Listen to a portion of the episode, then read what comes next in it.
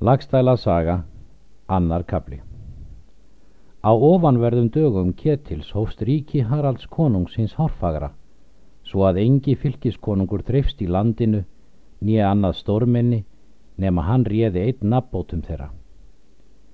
En er Ketil fréttir þetta, að Haraldur konungur hafði honum slíkan kost ætlað sem öðrum ríkismönnum að hafa frændur sína óbætta en ger þó að leigumanni sjálfur, síðan stefnir hann þing við frændur sína og hóf svo málsitt.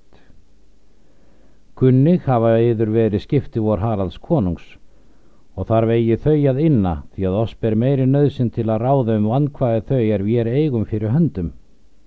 Sannspurðan hef ég fjandskap Haralds konungs til vor. Sýnist mér svo að við munum eigi þaðan trössbíða. Lýst mér svo sem oss séu tveir kostir gerfir, að flýja land eða vera drefnir hver í sínu rúmi.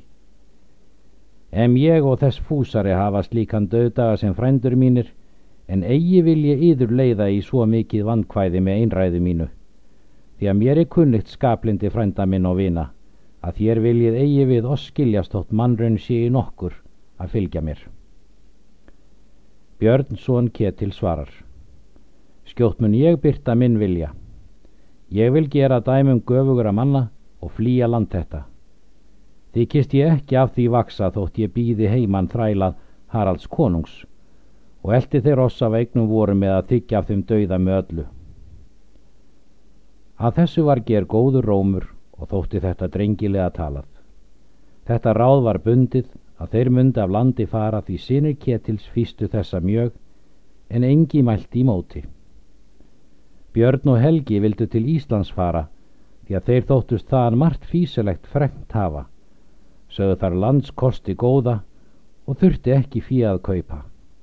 Kölluði vera kvalrétt mikinn og lagsveiðar en fiskastöð öllum missurum. Ketill svarar. Í þá veiðustöð kem ég aldrei á gamalsaldri.